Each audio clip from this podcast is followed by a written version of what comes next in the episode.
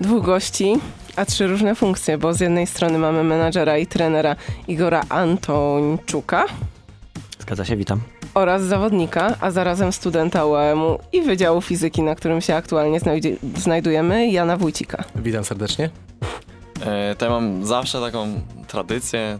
Podaj jeszcze może drużynę, no bo wypada podać A, jaka drużyna. oczywiście, oczywiście jest to Flur Team Poznań. Flo Floorball. Floorball. Floorball Team Poznań. E, zawsze mam w zwyczaju pierwsze pytanie zadać takie trochę śmieszkowe, może trochę podkręcające. Mm, ja w unihokej w szkole byłem dosyć dobry, przepraszam, w gimnazjum. Byłem kapitanem drużyny e, i pan WF-ista mi powiedział tak, czemu nie grasz na, na lodzie? Powiedziałem, że, Jezu, przepraszam. Ja powiedziałem, że nie gram na lodzie, ponieważ e, nigdy na nigdy na łyżwach się nie nauczyłem jeździć. Jak jest w waszym przypadku? Ja też się nigdy na łyżwach nie nauczyłem jeździć, w związku z czym pozostaje im, można powiedzieć, u nich ok. E, natomiast to też nigdzie nie było w okolicy lodowiska, natomiast u nich ok jest o wiele bardziej, można powiedzieć, szerszym sportem, gdzie jest więcej możliwości e, grania, no bo właśnie ten lód, e, można powiedzieć, nie jest, e, nie jest potrzebny. No tak, biegać każdy potrafi, a jeździć na łyżwach, tak jak kolega Mieszko, nie każdy potrafi jednak. E, wasz zespół to jest w zasadzie nowum na scenie tutaj sportowej Poznania. Powiedzcie, od czego się to zaczęło? Jeżeli chodzi o Floorball Team Poznań, mm, to rzeczywiście pierwszy, pierwszy raz, pierwszy sezon w tym, w tym roku gramy w seniorskiej e, lidze. Jest to pierwsza liga Unihokeja. E, natomiast to nie jest tak, że w tym roku, można powiedzieć, przeprowadziliśmy się wszyscy do Poznania i nagle, nagle się tutaj zjawiliśmy, wszyscy, którzy w tej drużynie grają, dlatego że od kilku, e, kilku lat gramy sobie już tutaj w Poznaniu w tego, w tego Unihokeja, zarówno na, mm, na sekcjach akademickich, jak również młodsze, młodsze dzieci, dzieci grają w UKS Salezjanie Poznań. Mm, Także cały czas to granie było. Zawodnicy również z klubów ościennych, z Wielkopolski, również z innych, z innych województw w tym Poznaniu mieszkali i tutaj też sobie, sobie trenowali. Natomiast nigdy nie było jakby takiej organizacji, można powiedzieć, czy takiego, takiego klubu, takiej drużyny, w której mogliby występować e, no, w najwyższych rozgrywkach e, polskiego unihokeja. A kto wyszedł z inicjatywą, żeby założyć taką drużynę i jak to się zrodziło? Ja jestem z piłki nożnej, można powiedzieć, więc te pierwsze zespoły, głównie w Anglii, rodziły się z tego, że to studenci się w barach zbierali w wolnym chwili i kopali piłkę, więc zaczynali to zaczynali to formalizować. A jak to było w waszym przypadku?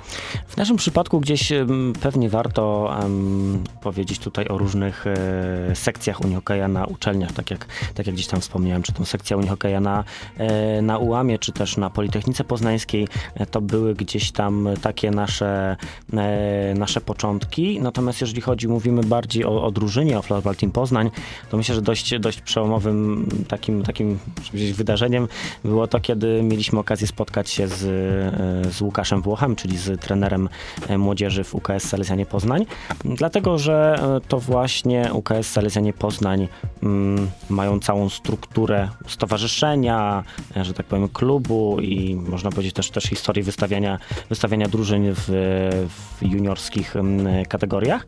No i też dzięki temu, że ta, ta struktura jest, jest to stowarzyszenie, no mogliśmy też się zgłosić, no bo, bo struktura klubu też, też, też musi być. I to, to spotkanie miało miejsce jakieś dwa lata temu. Przez, przez te dwa lata bardzo, bardzo blisko współpracowaliśmy. No i właśnie przed tym, przed tym sezonem, czyli gdzieś na początku tego, tego roku 2023 pojawił się taki pomysł, żeby, żeby taki zespół seniorski w Poznaniu założyć.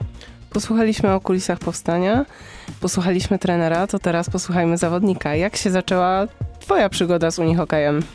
No to moja przygoda z unihokejem zaczęła się w sumie od sekcji yy, na Uniwersytecie Adama Mickiewicza w Poznaniu, ponieważ ja jestem w sumie hokeistą na lodzie i przez całe życie grałem na lodzie, a miałem wypadek, nie mogłem już w sumie grać w tak agresywny powiedzmy sport, więc przyszedłem na sekcję sekcję tenisa stołowego, na, na, której, y, na której trener zauważył, że, że w coś kiedyś może grałem, zapytał się w co, zadzwonił do pani, która ówcześnie trenowała sekcję unihokeja y, na UEM-ie na sekcję przyszedłem bez kija, bez, bez żadnych jakichkolwiek umiejętności, nie żeby to się bardzo zmieniło.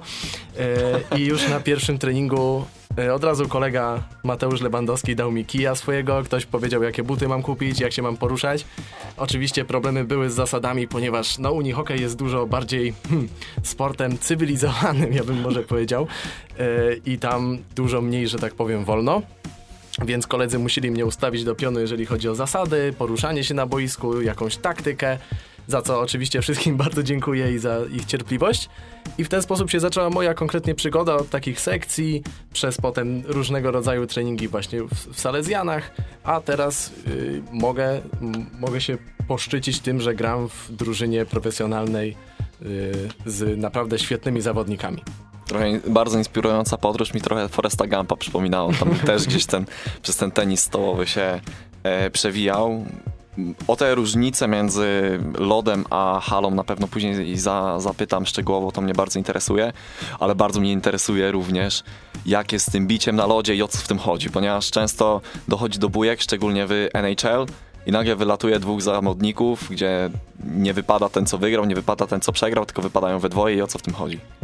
Tak, no to te, akurat ten konkretny przepis, o którym mówisz, zmienił się bodajże 4 lata temu i w tym momencie, bo generalnie idea jest myślę taka całe, całego świata, żeby zmienić hokej na lodzie właśnie z dyscypliny, która jest kojarzona z bójkami, z taką brutalnością, z latającymi zębami, na sport, który jest trochę bardziej, mm, no mniej, mniej, mniej brutalny, w związku z czym pojawiła się zasada między innymi, że podczas bójki dwóch zawodników, bądź wszyscy zawodnicy, którzy biorą udział w bójce powinni otrzymać karę meczu, czyli w piłce nożnej czerwoną kartkę. E, w związku z tym tych bójek się trochę zmniejszyło, aczkolwiek i w NHL, i w naszej polskiej ekstralidze oraz pierwszej lidze bójki się zdarzają, szczególnie powiedziałbym, że u juniorów to znaczy, ja patrzę na, na moją podróż przez hokej na lodzie, no to rzeczywiście w momencie, gdy są hormony, gdy to wszystko buzuje, ten sport jest potwornie szybki, bo tam zmiana trwa no, najwyżej minutę, krążek leci strasznie szybko.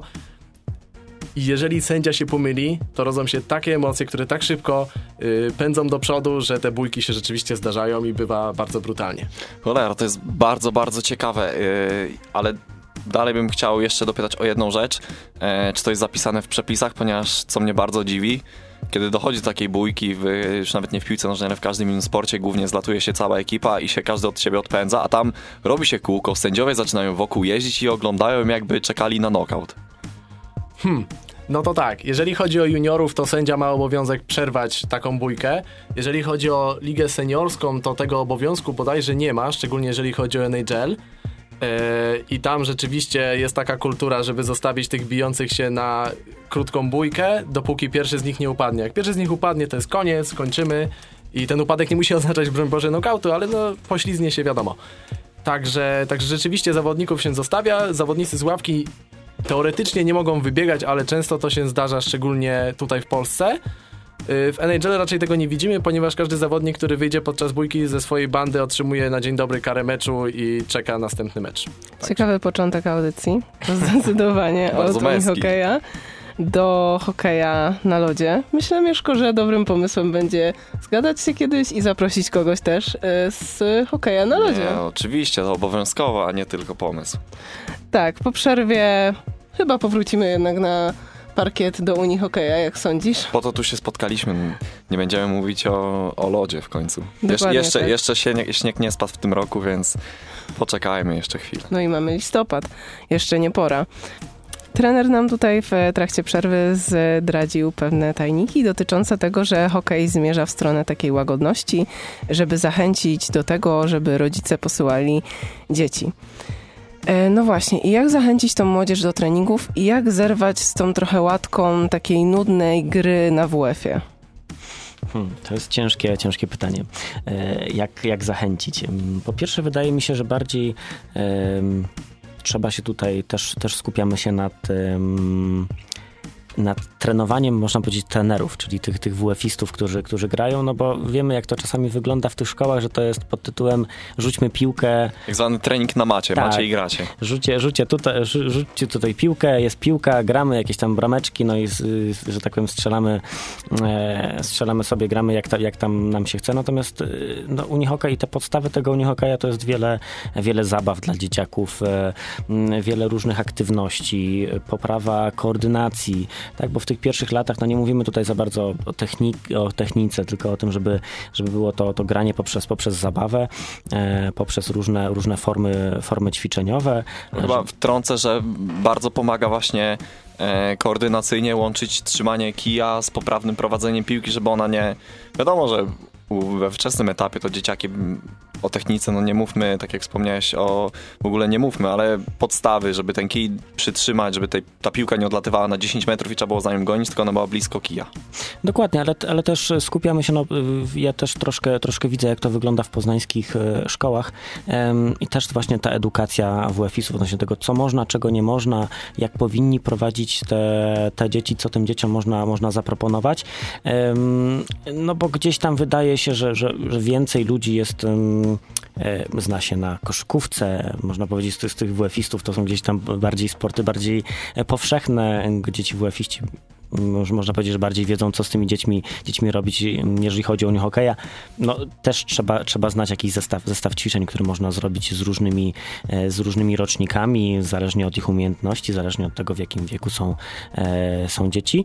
Mm, Więc, więc też jakieś takie, takie plany są, są tutaj w Poznaniu, żeby, żeby rozszerzać e, te, te, te, te działania i, i wokół też klubu UKS Selezjanie Poznań stworzyć, można powiedzieć, taki, taki hub, gdzie, gdzie można się nauczyć zarówno grać, jak i, jak i gdzie można się nauczyć tego, jak, jak te dzieci, dzie- dzieci trenować. Dlatego, że też do tego klubu nie tylko przychodzą e, dzieci, które są w, szkole salezjańskiej, ale też e, dzieciaki z innych, z innych klubów, można powiedzieć też wyróżniające się dzieci z, z innych szkół, które po prostu na te treningi do, do klubu UKS przychodzą. E, No właśnie, a w jakim wieku najlepiej dziecko posłać na ta, takie treningi? Czy w ogóle jest taka jakaś bariera? No i w drugą stronę, dla jakich osób przeznaczony jest w ogóle unihokej? Czy to ograniczenie wiekowe obowiązuje także w drugą stronę?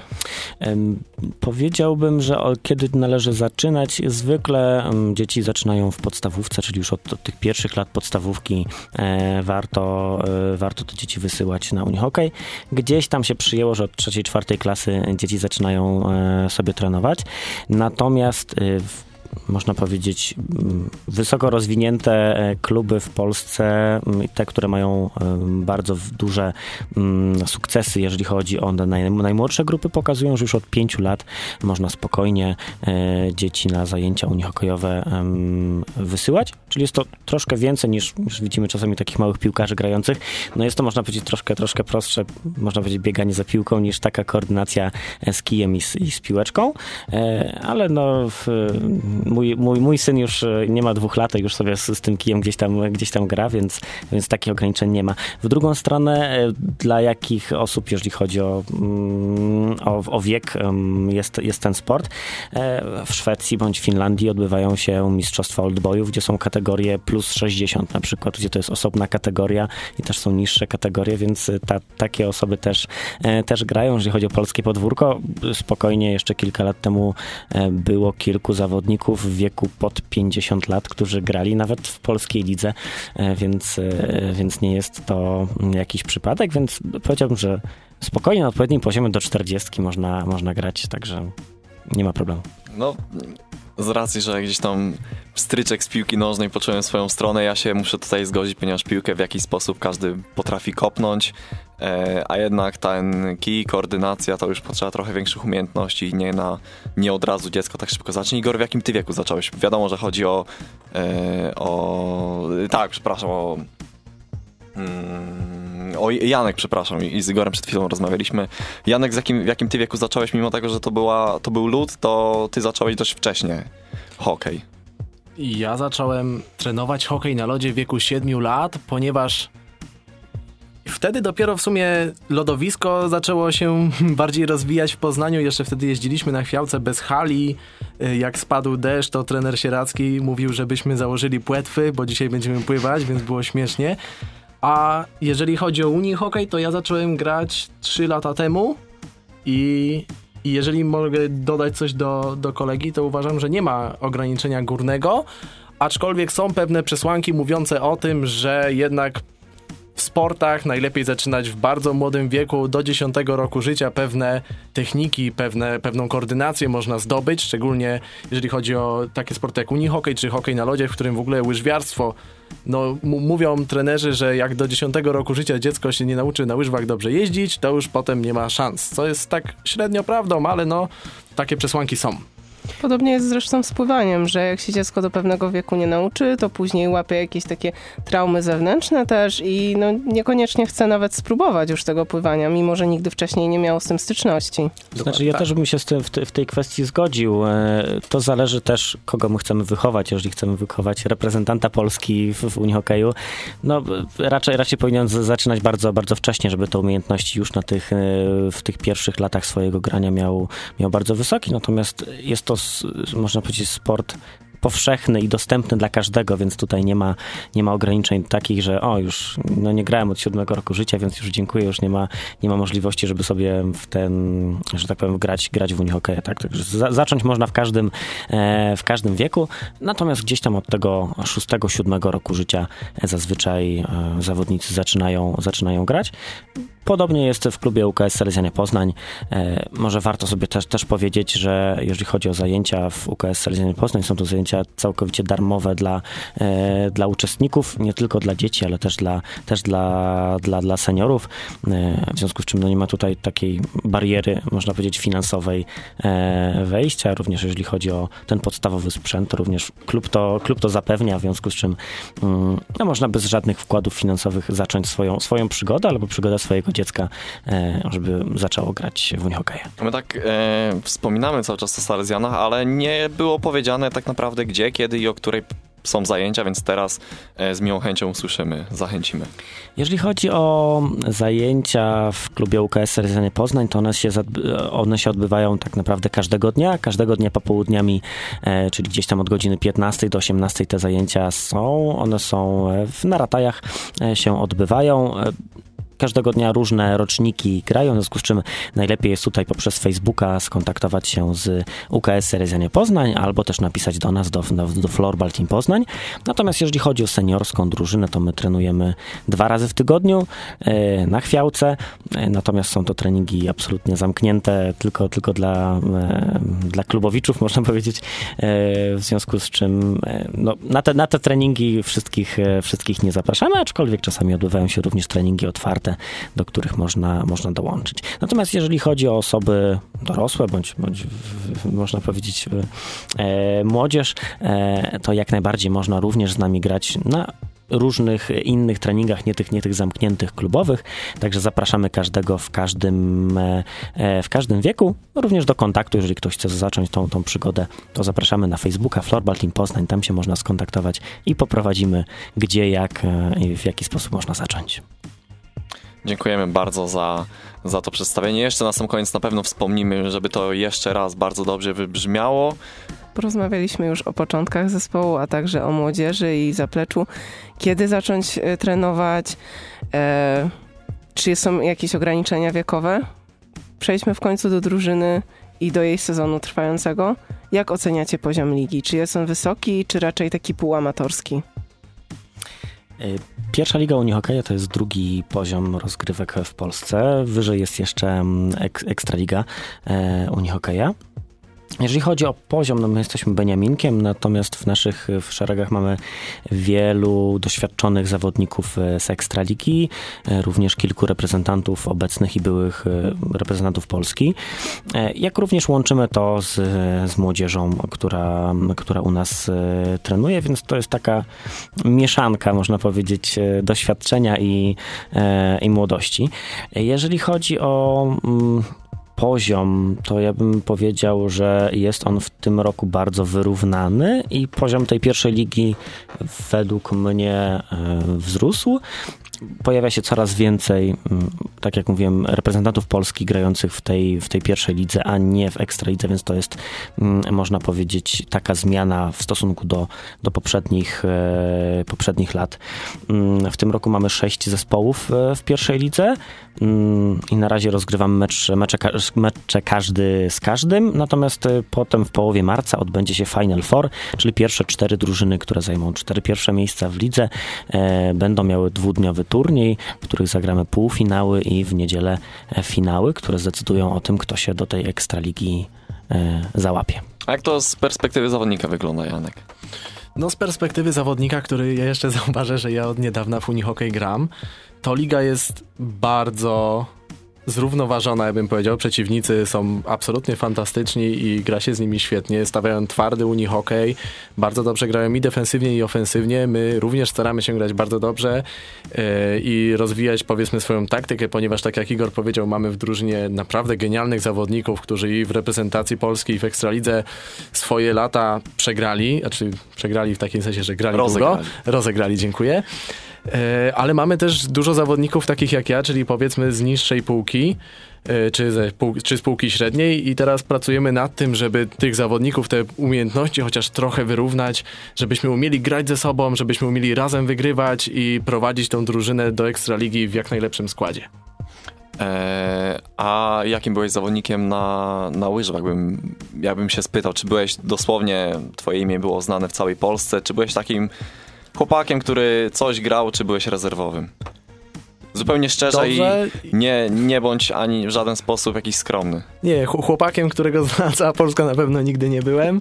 E, nie byłem zawodnikiem dobrym, powiedzmy, byłem takim średnim zawodnikiem. Miałem zawsze szczęście grać z fantastycznymi zawodnikami, e, świetnych trenerów zawsze miałem i to mnie trzymało, powiedzmy, w tych e, wysokich ligach ale jako, że to jest sport drużynowy, to umiejętności indywidualne nie liczą się aż tak mocno, więc gramy powiedzmy jako zespół razem. E, a zapytałem dlatego, ponieważ interesuje mnie, czy ty się trochę zderzyłeś ze ścianą wchodząc do tej ligi, czy jednak bardzo płynnie ci się udało w zespół i w ligę wejść? Pod względem umiejętności się zderzyłeś? O. No, na pewno. W sensie moje umiejętności są nieporównywalnie gorsze od niektórych albo większości kolegów z drużyny. E, jednak oni są fantastyczni i pomagają mi, żebym był coraz lepszy, żebym mógł, e, mógł im pomagać na meczach. Starają się, żebym się nauczył wszystkich tych technik. technik. E, czy ja się zderzyłem ze ścianą? Powiem szczerze, że przemiana była dość trudna. Gra mi się bardzo dobrze, szczególnie, że mam pod dyspozycją wiele osób, które dają mi świetne rady. E, czy jestem dobrym zawodnikiem? Na pewno nie, ale chcę być.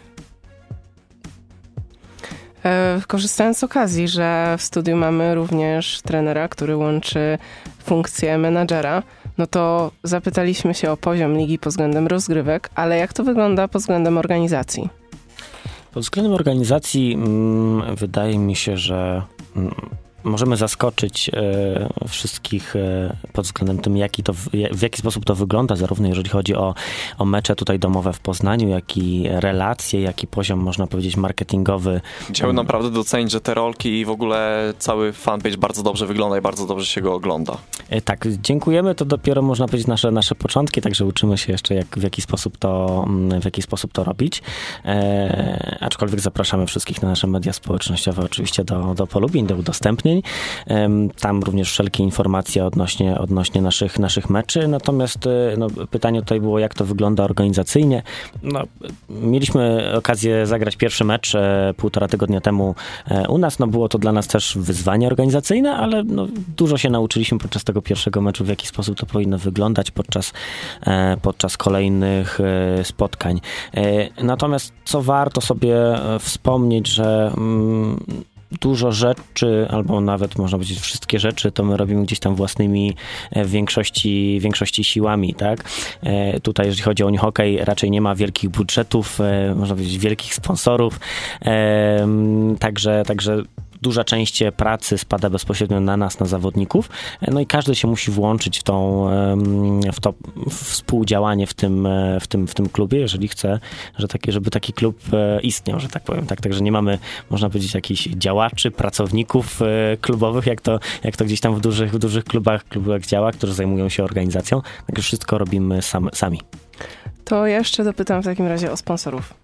Czy ciężko znaleźć e, sponsora głównego bądź sponsorów mniejszych dla dyscypliny, która tak w zasadzie na poziomie zorganizowanym debiutuje w Poznaniu?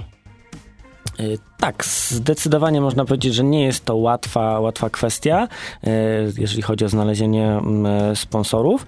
Mm, natomiast oczywiście my cały czas tych, tych sponsorów poszukujemy. Udało nam się znaleźć kilku, kilku sponsorów przed, e, przed sezonem. Dzięki, dzięki temu również jesteśmy w stanie w ogóle w tym, w tym wystartować, no bo koszty zarówno hali, jak i, e, jak i koszty transportu, sędziów i tak dalej, i tak dalej, tych wszystkich kosztów jest, jest dość, e, dość sporo są, można powiedzieć, dość, dość duże i, i, tylko dzięki, dzięki uprzejmości tych sponsorów, jak, jak również miasta, miasta Poznania, możemy e, występować w tej, w tej lidze. E, również e, Pewnym można, można powiedzieć problemem może być to, że jesteśmy Beniaminkiem tej ligi, e, natomiast no, pokazujemy e, na co nas stać zarówno pod względem sportowym, jak i pod względem organizacyjnym. Wydaje mi się, że ostatni mecz był, był tutaj naszym sukcesem zarówno organizacyjnym, jak i frekwencyjnym na meczu, dlatego że mieliśmy ponad 150 osób. E, więcej na tej hali, na chwiałce C już się osób nie zmieści. Były niestety takie, były osoby, które, które trochę postały, popatrzyły jak to wygląda i z, z braku miejsc siedzących no po prostu gdzieś tam, gdzieś tam wyszły, także postaram się teraz, żeby tych miejsc było troszkę, troszkę więcej, ale tak jak mówię, no niestety hali e, obecnie się powiększyć, e, powiększyć nie da, także bardzo się cieszymy z tego zainteresowania e, unihokejem, które jest, e, jest w Poznaniu. I mam nadzieję, że cały czas e, to zainteresowanie będzie niesłabnące tym, tym sportem u nas. A będę miał pytanie do Was obu. Może najpierw Janek, jakie Ty masz oczekiwania wobec e, zespołu na ten sezon? Czy tutaj tylko awans chodzi w grę? Czy pokazanie się Final Four będzie już sukcesem? No to mieliśmy już dyskusję na ten temat tydzień temu. E, ja stoję po stronie w tej dyskusji, że w tym sezonie naszym głównym celem na pewno jest wejście do Final Four oczywiście. Czy to jest awans do Ekstraligi? Być może. Moim osobistym zdaniem naszym celem w tym sezonie jest wytworzenie takiej kadry zawodniczej, która będzie ze sobą współpracować, która będzie wiedziała jak ma grać, jak ma grać razem, jakie taktyki, co jest naszym celem, ponieważ no, naszym celem nie jest tylko wejście do Ekstraligi, ale byśmy się chcieli tam dobrze pokazać. Żeby się tam dobrze pokazać, musimy mieć mocną, zdecydowaną drużynę, która będzie wiedziała o co gra i po co. A z perspektywy trenera jak to wygląda?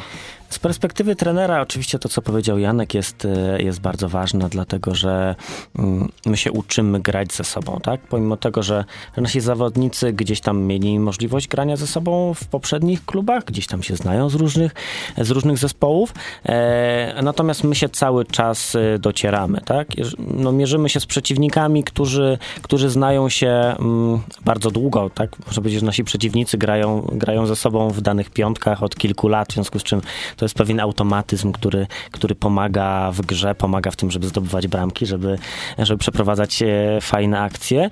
No my się cały czas tego, tego uczymy i to jeszcze nam zajmie pewien czas, natomiast jak najbardziej mm, potencjał e, zespołu e, pozwala nam myśleć o tym, żeby tą ligę wygrać i z pierwszego miejsca wyjść i z pierwszego miejsca wyjść do, do Ekstraligi, no bo nie będę, że tak powiem, się za bardzo chwalił i powiem, że pod względem, e, pod względem osób, które u nas, u nas trenują, no to mamy naj, najmocniejszy skład w pierwszej lidze i to nie będzie zaskoczeniem dla nikogo. Natomiast, e, no mówię, to trzeba zgrać, te automatyzmy muszą, muszą tutaj, tutaj działać i od tego będzie, będzie bardzo wiele zależało w przyszłych meczach i również w Final Four, który już w marcu. Nie takie miałem pytanie, miałem trochę inne przygotowane, ale jednym zdaniem, które powiedziałeś, bardzo mnie zaintrygowało i też absolutnie nie chcę, żebyście odebrali taką ofensywę, jednak wspomniałeś, że macie najmocniejszą kadrę, a jednak miejsce w tabeli jest dopiero znaczy dopiero, jest trzecie miejsce, a nie jesteście na górze z kompletem zwycięstw. Dlaczego? Tak, zgadza się. E, tak jak mówiłem, cały czas e, zgrywamy e, siebie, cały czas e, patrzymy jakie powinny być piątki, zmieniamy różne rzeczy, także tutaj tych, e, bym powiedział, że pod względem zgrania wyglądamy bardzo słabo e, w, w tej kwestii, natomiast po każdym meczu wiemy, nad czym mamy, mamy pracować. Robimy również analizy zarówno przeciwników, jak i naszej gry, także wiemy, jak to powinno, powinno wyglądać. Jeżeli chodzi o dwa ostatnie mecze, które niestety nie zakończyły się naszym, naszym zwycięstwem, to były to dwa, dwa mecze, które przegraliśmy jednym, jednym golem. Wyjazd do Dublina, e, bardzo ciężka, długa, długa droga, gdzie zakończyło się to 5 do, 5 do 4, mm, gdzie tych punktów nie zdobyliśmy. No i teraz pierwszy mecz e, tutaj mm, przed własną publicznością, przed własnymi rodzinami, znajomymi, to też była pewna, pewne, pewne, pewna nowość dla niektórych, dla niektórych zawodników, e, który zakończył się no, po karnych, gdzie przeciwnik z Torunia no, w, tych, w tych karnych zwyciężył, w związku z czym wywiózł dwa punkty z Poznania, a my wywieźliśmy tylko ten punkt jeden, aczkolwiek ja bym powiedział, że obydwa te, obydwa te spotkania były do wygrania i, do, i punkty w tych, w tych spotkaniach były, były do, do ugrania, tylko właśnie tym zgraniem e, główna to jest taka kwestia, gdzie, gdzie przeciwnik e, no, zdobył więcej, więcej, więcej bramek i więcej punktów. Jasne. Mo, mo, widziałem rękę ładnie, jak w szkole podniosłeś, ale nie musisz podnosić ręki, możesz po prostu zacząć mówić. Ja bym chciał tylko wesprzeć trenera i powiedzieć, że po, porównując to znowu do piłki nożnej, proszę nie odbierz tego źle, bo nie chodzi mi o nic złego, tylko jeżeli masz ogromne boisko, na którym jest 11 osób, to jeżeli, to powiedzmy, granice tego, gdzie może stać zawodnik, żeby stać nadal dobrze, są bardzo duże. Jednak gdy boisko jest małe, osób na nim jest 5, bo gramy na hali, powiedzmy takie jak zwykle są hale sportowe, no to wyobraźcie sobie, jak mała jest przestrzeń, na której zawodnik będzie stał w cudzysłowie dobrze. Czyli, żeby optymalnie wykonywać ten ruch pięciu zawodników, oni muszą być tak bezbłędnie skoordynowani, żeby nie wleść sobie w drogę, żeby nie zderzyć się, żeby stanąć w dobrym miejscu, nie zasłaniając nikomu podania. No to jest niesamowicie złożone. W związku z tym to zgranie, które podkreśla mój trener, jest jak najbardziej pierwszorzędne. Tak, i teraz troszkę porównujemy kogoś, kto trenuje ze sobą 3 lata w tej samej piątce na przykład, a kogoś, kto trenuje 3 miesiące. W związku z czym e, no, zespoły, które, które mają stałą kadrę przez dłuższy, dłuższy czas, mają to, to zgranie, którego w wielu sytuacjach nam, e, nam brakuje, nad którym sobie, sobie pracujemy. Natomiast, tak jak mówię, mamy te 10 meczy, gdzie 4 już z tych meczy rozegraliśmy, które mają nam, nam pomóc, e, no nie powiem, że są takimi sparingami, ale, ale są takim przygotowaniem do głównej imprezy dla nas tego sezonu, którym będzie zdecydowanie Final Four e, w marcu. No, do tego Final Four, Final Four najpierw, najpierw trzeba by było y, awansować, aczkolwiek ja jestem oczywiście bardzo pozytywnie do tego nastawiony i y, tylko zwycięstwo. Janek, powiedz, czy presja trochę grania u siebie pierwszego meczu nie sparaliżowała? Hmm, by, być może, być może patrząc z daleka y, do takich wniosków czy konkluzji należałoby dojść. Jednak na boisku wydaje mi się, że to nie, nie to zagrało, w sensie głównie taktycznie gdzieś zawiedliśmy. Toruń troszeczkę lepiej się na tym boisku poruszał.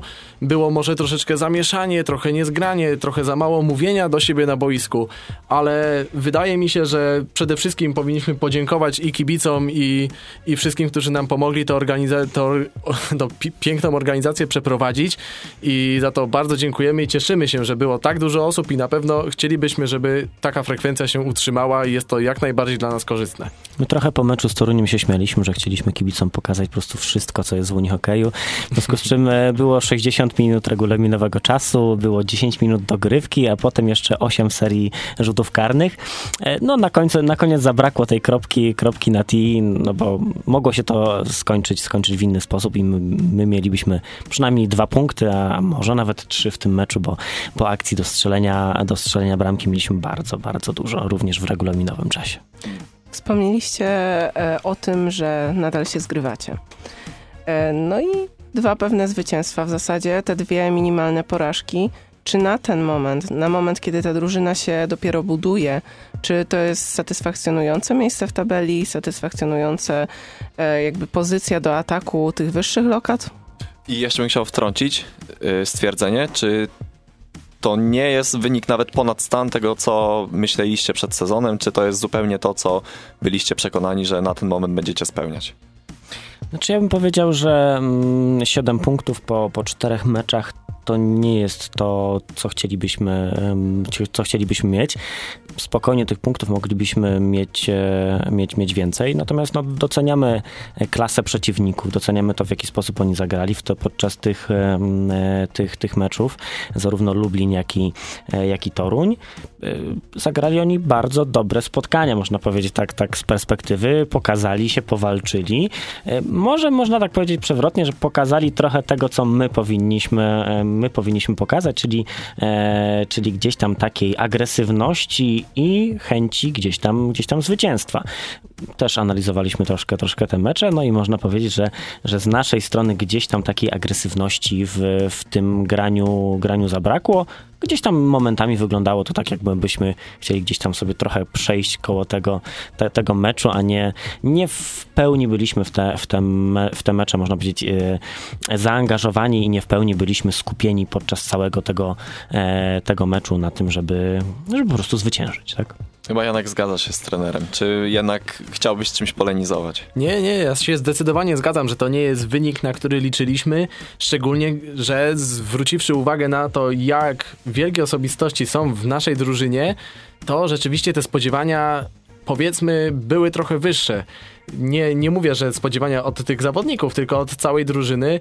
Yy, wydaje mi się, że być może ci słabsi zawodnicy, tacy jak ja, troszeczkę zawiedli, być może drużynowo się jeszcze nie do końca zgraliśmy, ale liczymy, że szczególnie druga część sezonu będzie jak najbardziej korzystna. Kwestie treningowe, e, jak wspomniałeś, będę chciał spytać, ponieważ to mnie bardzo interesuje z takiego punktu e, bardziej nie tego, co widzimy finalnie na parkiecie, a tego całego procesu przed meczem. Mam takie pytanie w zwyczaju do, do gości, których z różnych dyscyplin naprawdę goszczę. Czego uczy unihokej tak naprawdę w kwestii mentalnej, oprócz koordynacji i umiejętności posługiwania się kijem? Bardziej w głowie, czego uczy? No to ja bym powiedział, że Unihokej z racji tego, jak wspomniałem, że jest bardzo małe boisko, bardzo dużo na nim zawodników, uczy przede wszystkim skoordynowania z drużyną, rozmowy ze sobą, krzyczenia do siebie na boisku, pójdź w prawo, pójdź za mnie. Musisz cały czas się zamieniać na boisku. Dodatkowo dochodzi fakt, że jesteś z kijem. Nie masz tej piłki przy nodze, tylko masz tej, tą piłkę na kiju. To jest jakieś przedłużenie rąk, ale no jednak nie to samo. Więc ta koordynacja, trochę zamieszanie, a jednak cały czas musisz trzymać pozycję, musisz się zmieniać z kolegami. No to jednak budzi potrzebę takiego rozwijania swojej koordynacji przestrzennej i drużynowej. Ja bym może do, dodał, że uczy trochę takiej nieustępliwości i walczenia o swoje, dlatego że oczywiście ważne są umiejętności, ale ważne jest też, można powiedzieć, jak, jak mentalnie podchodzimy do meczu, do każdego jakiegoś tam mikropojedynku z przeciwnikiem. Czy jesteśmy przekonani odnośnie tego, że my tą piłkę przejmiemy, że mamy lepsze umiejętności, także wiadomo, te umiejętności są ważne, ale ten mental jest, jest y, również decydujący, tak? Bo tutaj no można powiedzieć, że każdy potrafi zrobić proste podanie w unihokeju. To nie jest, to nie jest wielk, wielka rzecz, tak? Natomiast y, no, trzeba się na to gdzieś tam, y, gdzieś tam odważyć, trzeba wiedzieć, co się chce z tym, z tym zrobić, także e, głowa, można powiedzieć, i myślenie również w unihokeju jest bardzo, bardzo ważne. No tak można powiedzieć trenersko jeżeli są bardzo dużo umiejętności, ale ktoś, że tak powiem, ciężko mu przychodzi, można powiedzieć, myślenie na boisku, to jest ciężko z takim, z takim zawodnikiem e, popracować gdzieś tam, no bo tutaj trzeba się zastanowić, trzeba spojrzeć, e, trzeba się zastanowić, jaką akcję przeprowadzimy, w którą stronę, a ta te technikalia odnośnie tego, jak podać, czy podać, czy to backhandem, czy forehandem, czy, czy górą, czy, czy dołem, to jest jakby osobna, e, osobna kwestia. No a jak gdzieś tej głowy brakuje, to też tą piłkę po prostu można, można stracić i narazić się na kontratak z drugiej strony. Bardzo mnie wyprzedziliście z pytaniem, co mi się bardzo podoba, ponieważ e, jesteście bardzo panowie, bardzo rozmowni, bardzo mile się was słucha, Chcia, bo ja chciałem zadać pytanie, czy ten sport jest bardzo analityczny pod takim względem, że na boisku trzeba Ka w każdej dyscyplinie trzeba myśleć, ale czy tutaj trzeba bardzo dużo myśleć? O, już odpowiedzieliście mi na to pytanie, ponieważ mi przyszedł pomysł taki do głowy, że bardzo spłycę swoją wypowiedź i nie chciałbym nikogo urazić, ale dużo nawiązujemy do piłki nożnej. Na piłce nożnej się postawi na skrzydle albo na, na, na przysłowiowej dziewiątce gościa, który jest szybki, tak zwany jeździć bez głowy i on po prostu będzie biegał. W koszykówce na przykład mamy zadaniowca, który stoi w narożniku i rzuca za trzy po prostu jak trzeba. Czy tutaj jest miejsce na takiej indywidualności, że ma się na przykład specjalnie wyznaczoną osobę, która z dystansu ma bardzo dobry strzał, która rozprowadza piłkę od tyłu, która bardzo dobrze broni. No myślę, że szczególnie w pierwszej piątce u nas, może nie tacy zadaniowcy, ale wiadomo, że każdy z chłopaków, którzy grali na wysokim bardzo szczeblu, ma powiedzmy swoje umiejętności specjalne, bym to tak nazwał, tak? Jest Karol Wójcik, który jest piekielnie szybki i jest w stanie za tą piłką biec niesamowicie. Jest Filip Łukaszewski, który strasznie strasznie mądrze gra na boisku, który jest w stanie widzieć wszystkie różne pozycje. No jest Shogun, który jest w stanie bardzo dobrze defensywnie zagrać. Jest Połomka, który ma świetny strzał od razu. No jest taka mieszanka ciekawych charakterów, który każdy z nich ma powiedzmy swoje, swoją umiejętność specjalną i jest w stanie ją wykorzystać na boisku, więc jak najbardziej tak.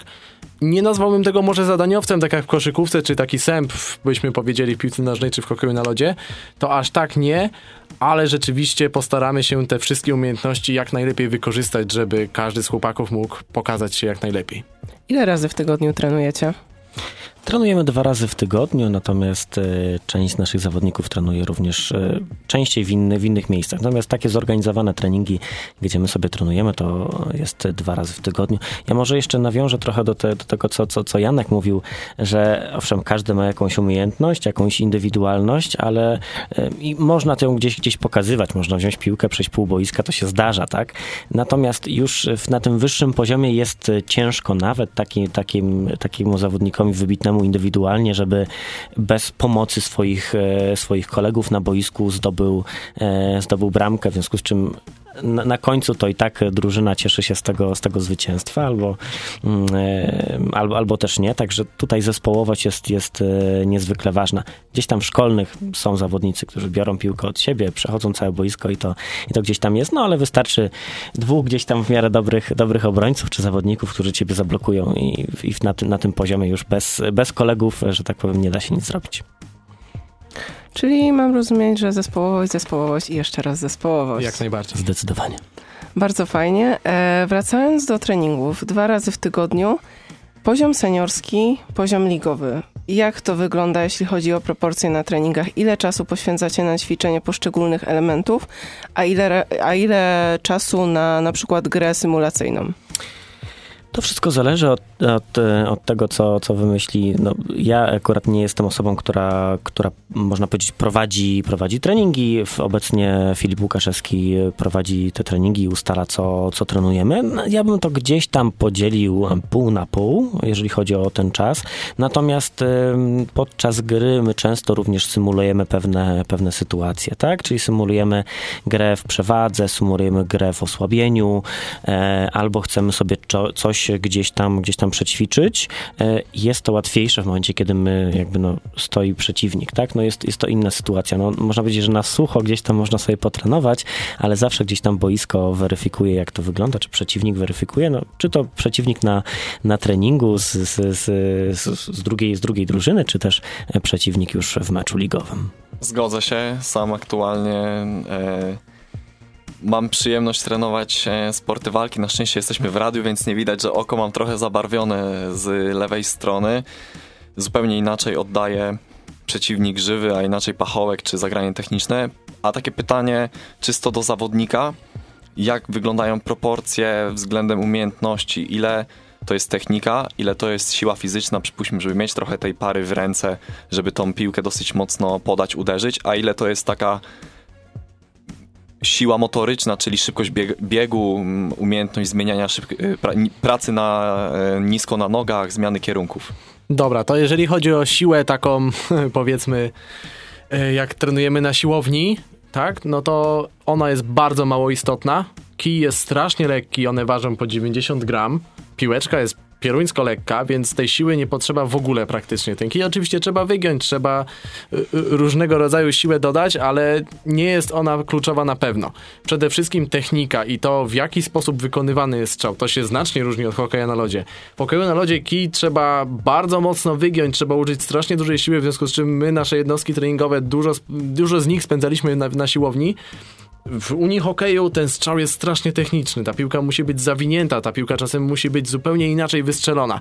Jeżeli chodzi o takie na nogach mocne siedzenie i bieganie strasznie szybko, to jak najbardziej jest to kluczowy element, ponieważ to pomaga całemu zespołowi, nie tylko osoba, która ma piłkę, ale cały zespół wtedy gra lepiej. No właśnie, możesz powtórzyć ile waży kij? Mi się wydaje, że około 90 gram, ale to Igor chyba. Ja wam nie powiem, bo ja stoję na bramce, więc... A, dobrze. Wydaje mi się, że około 90 do 150 gram to jest taka mniej więcej granica. Bo słyszałam, że hokeiści na trawie, którzy w zimę grają sezony halowe, mają niekiedy problemy z treningami, z halą, ponieważ ze względu na ciężar tego kija i inną specyfikę, e, po prostu zarządcy hali często odmawiają im treningów. W waszym przypadku chyba tego problemu nie ma. Znaczy, my się z tym problemem nie spotkaliśmy, aczkolwiek słyszeliśmy o tym, o tym problemie Gdzieś tam jeszcze czasami się zdarza również, może możemy powiedzieć w Poznaniu, ale w innych miastach również, że czasami zarządcy boją się wpuszczać unihokeistów na parkiet. Natomiast w tym przypadku właśnie ten unihokej został po to stworzony, e, że tak powiem, od, od zarania dziejów, czyli tam 30-40 lat, kiedy, kiedy on powstawał, właśnie po to, żeby na tych halach można było grać na różnych e, nawierzchniach, które tam, tam są, także absolutnie e, tym kijem ani tą piłeczką nie jesteśmy w stanie tego parkietu, można powiedzieć, zepsuć i to kluby w Polsce pokazują, bo też na tych, na tych parkietach grają. My akurat gramy na hali C, tam nie ma parkietu, tam jest wykładzina. Niestety czas biegnie bardzo, bardzo szybko i dopiero zaczęliśmy, a już kończymy. Ja mam jeszcze pytań w głowie bardzo dużo. Niestety czas nam nie pozwoli na to. Jeszcze raz, e, zanim się już pożegnamy, jeszcze raz bym chciał Was poprosić o zaproszenie osób, które chciałyby zacząć trenować, ale również chciałyby przyjść na mecz obejrzeć. Jak to wygląda? E, zapraszamy serdecznie już za półtora tygodnia, 26 listopada o godzinie 14 e, w niedzielę. Jest to Chwiałka C i mierzymy się z klubem z Czerwieńska z Zielonej Góry, także serdecznie zapraszamy. E, wstęp wolny.